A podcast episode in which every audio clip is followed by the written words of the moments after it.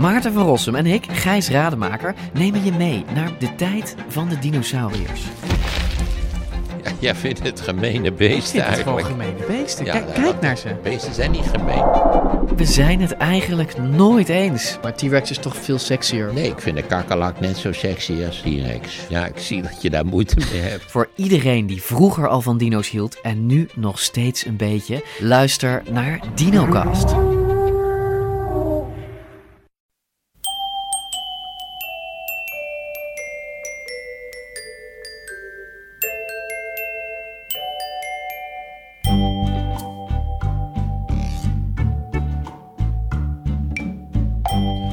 Welkom bij aflevering 225 van Echt Gebeurd. De podcast waarin waargebeurde verhalen worden verteld door de mensen die ze zelf hebben meegemaakt. In deze aflevering een verhaal dat Willem Eekhoff afgelopen zondag, dus verser kunnen we je ze niet brengen, bij ons vertelde tijdens een verhalenmiddag rond het thema met de auto.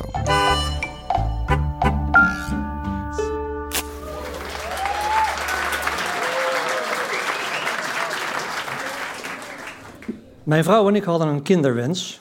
En we besloten de natuur op zijn eh, beloop te belaten. Maar toen na anderhalf jaar nog niets gebeurd was, toen leek het ons beter om ons eh, te laten testen. We zaten op het eh, spreekuur bij de dokter en daar kregen we het volgende nieuws: dat mijn vrouw was helemaal in orde. En ik hoorde dat ik zwak zaad had. En dan niet een beetje zwak zaad, maar extreem zwak zaad. Dus waar een gezonde man 30 miljoen zaadjes heeft, die ook allemaal strak de goede kant op zwemmen, had ik er 30 die ook nog eens een keer volledig ongecontroleerd allerlei kanten op zwabberden. Dat deed wel iets met mij, want dat betekende we waren al, een, waren al anderhalf jaar bezig om kinderen te krijgen. En dat lukte niet. En nu hoorde ik eigenlijk ook nog dat er iets mis was. Dat had te maken met een eh, kinderziekte, de bof, waardoor ik eh, verminderd vruchtbaar was. Maar als man zijnde nou, ik kon ieder geval mijzelf en mijn vrouw niet geven wat we heel graag wilden. Toen zijn we wat alternatieven gaan bedenken, want mijn vrouw die, eh, die is ook wel van het, kom op, we zien wel hoe het eindigt en ik geloof in jou, het komt goed. En een van die alternatieven was eh, adoptie. Maar omdat ik al 41 was en mijn vrouw eind, eh, eind 30, kom je niet meer in aanmerking voor een baby of een peuter of een kleuter. De eerste mogelijkheid was een volwassen Chinees. Die zag ik mezelf ook niet op de commode leggen. Dus ik denk dat... eh, Misschien even verder kijken. Ehm, eh, medisch gezien was er nog wel iets mogelijk, dat heet IVF. En bij IVF is het zo dat ik zaad doneer.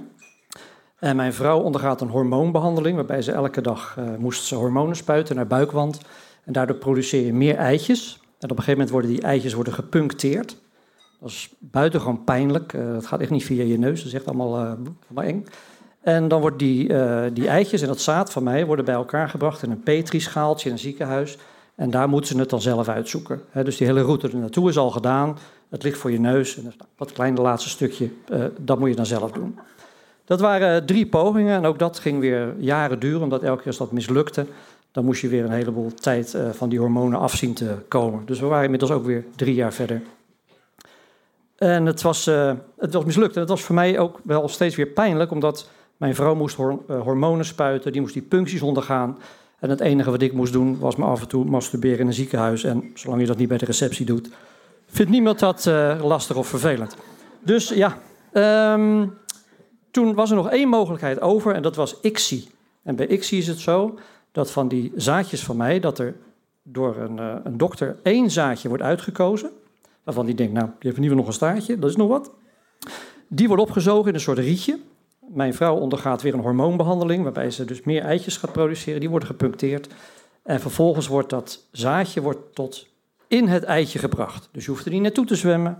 Je hoeft er niet binnen te dringen. Het ligt voor je snuffert. Je wordt zelfs helemaal binnengebracht. Je hoeft alleen maar te delen.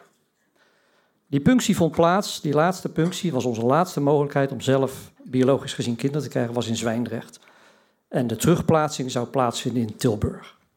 En mijn hele bijdrage aan de conceptie in zes jaar tijd was teruggebracht naar het vervoeren van de eitjes van Zwijndrecht naar Tilburg. En ik dacht, dat kan ik. Tot nu toe heb ik er zes jaar lang als lulletje lampenkatoen bij gestaan.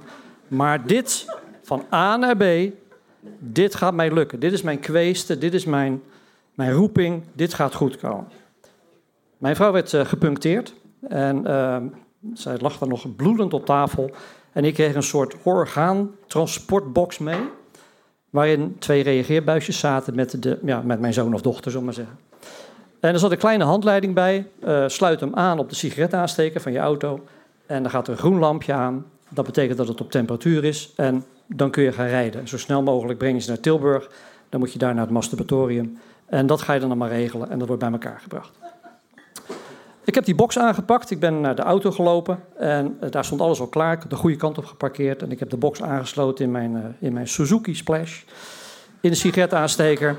En... Uh, uh, wat ik daarbij moet zeggen is dat mijn zaad heeft het niet van een vreemde, want ik heb namelijk zelf ook een onvoorstelbaar slecht richtingsgevoel.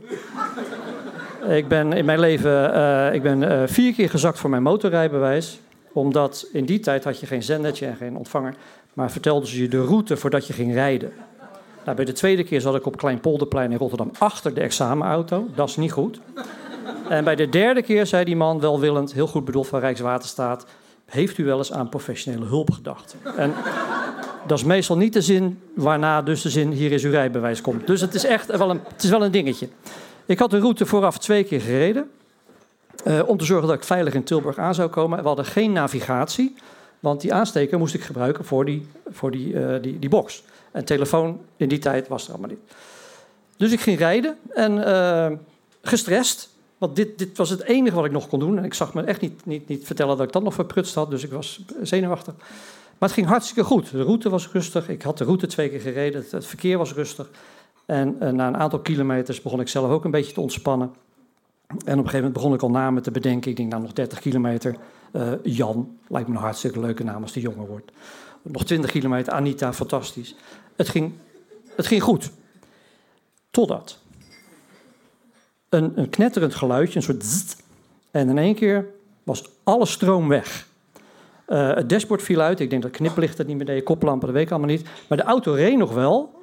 Maar toen ik naast me keek, het groene lampje was uit van die box. En ik wist niet, want niemand had me dat verteld, hoeveel tijd heb ik nu nog? Hoe lang duurt het voordat die eitjes zijn afgekoeld? En dat die laatste kans door mij uh, slecht afgelopen is. En dat ik naar moet gaan bellen. Lieve schat, ik hoop dat de hechting, uh, dat allemaal goed met je gaat. Maar ik moest dit van A naar B brengen. Dat was het enige wat ik nu nog kon doen. Ik heb het verprutst. En dan zit wel aan de auto gelegen hebben, maar ze voelden het niet. Dus de stresslevel was onvoorstelbaar hoog. Het was blinde paniek. Wat moest ik doen? Ik kon doorrijden, maar ik wist niet hoeveel tijd ik had. En het enige wat me te binnen schoot was, ik heb stroom nodig. Ik moet die box aansluiten, want dat, dan, dan blijven ze warm en dan zie ik daarna wel verder. En er was verder op een afslag. En die heb ik genomen. Ik wist, dan weet ik de weg terug niet meer. Maar oké, ik neem die afslag. Onderaan de afslag was een, was een McDonald's. Ik denk, ja, ja, ja, hoe is dat? Dat je binnenkomt rennen met een box. Je roept, mijn kind zit erin. Heeft iemand stroom? Daar leg je je McNuggets niet voor neer, denk ik. En, maar nog iets verder was een garage, zo'n bandenwisselservice garage. Ik denk, garage. Garage is auto, is accu, stroom. Ik ben daar, uh, daar gestopt, ik ben naar binnen gerend. Ik heb daar een ongetwijfeld warrig verhaal gehouden van uh, uh, vrouwenzaad Tilburg, ei help. En op dat moment staan de ware helden op, want een van die monteurs die zei, stap in, ik breng jou naar Tilburg.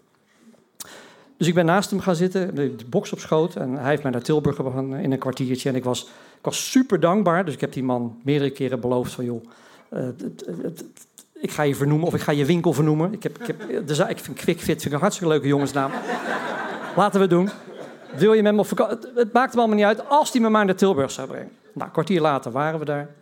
En ik ben naar binnen gerend. Ik heb die box op de, op de balie gezet. En die, en die, en die vrouw die, die er stond, die was eigenlijk helemaal niet, niet verbaasd of zo. Die reageerde niet in paniek. Ze zei, oh, is goed, ja, pak het aan. En komt wel goed. Dus ik kreeg stille hoop dat ik op tijd was geweest. En die gaf mij een, een, een potje mee. En dat uh, betekende dat ik daarna uh, moest gaan naar het masturbatorium. Had ik ontzettend veel zin in op dat moment. En ja, dezelfde ding als vorige keer viel hem op. Als je daar naartoe loopt, in, bij, die, bij die afdeling, dan weet je dat iedereen die je met een potje ziet lopen, die weet wat je gaat doen natuurlijk. Hè. Je komt twee keer door een klapdeur waar trek op staat. En het enige wat je kunt doen als je klaar bent, is een telefoon pakken, een beetje tussen duim en wijsvinger. En dan heb je een directe verbinding met de balie. En dan zeg, ja, het enige wat je dan kan zeggen, ben klaar. En dan mag je teruglopen en dan lever je je potje in en dan uh, is dat het. Uh, ik weet niet meer hoe ik thuis gekomen ben, een taxi of trein. Ik weet het, is compleet, uh, compleet wazig geworden. Uh, ik weet wel dat we later teruggegaan zijn om de auto op te halen. Bleek een zekeringetje doorgebrand. was eigenlijk niks bijzonders. Lag in het handschoenenkastje, maar ik, heb geen verstand van auto's. En we hebben die monteur natuurlijk uh, uitvoerig bedankt. En later ben ik met mijn vrouw uh, teruggegaan naar Tilburg. Waar dus de geïnjecteerde eitjes teruggeplaatst zijn bij haar. En toen begon het, begon het grote wachten na 6,5 jaar allerlei pogingen. Ik ben vandaag niet alleen. We zijn met z'n drieën. Daar zit mijn vrouw Constans. En naast haar zit onze inmiddels 16-jarige, het allermooiste cadeau wat ik ooit in mijn leven heb mogen krijgen.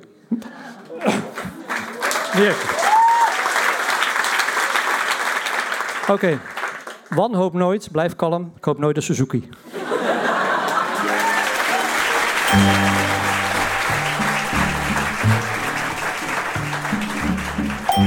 Je hoort een verhaal van Willem Eekhoff. Willem is ex-onderwijzer. Hij is getrouwd en, dat heb je kunnen horen, heeft een prachtige dochter. Willem heeft meerdere kinderboeken en musicals geschreven en op dit moment ontwikkelt hij applicaties voor de Belevenistafel. Dat is een multitouch tafel voor ouderen en voor mensen met dementie. Wil je daar meer over weten? Kijk dan op www.belevenistafel.nl. En wil je meer weten over Echt Gebeurd? Kijk dan op www.echtgebeurd.net. Je vindt daar een agenda met alle verhalenmiddagen en thema's tot aan de zomervakantie. De redactie van Echt Gebeurd bestaat uit Paulien Cornelissen, Micha Wertheim, Rosa van Toledo en mezelf Maarten Westerveen. Productie Eva Zwaving, zaaltechniek Jasper van Oorschot en de podcast is in handen van Gijsbert van der Wal. Dit was aflevering 225. Bedankt voor het luisteren en bedenk als je de volgende keer met pech langs de weg staat, het zou maar eens het begin kunnen zijn van iets heel erg moois.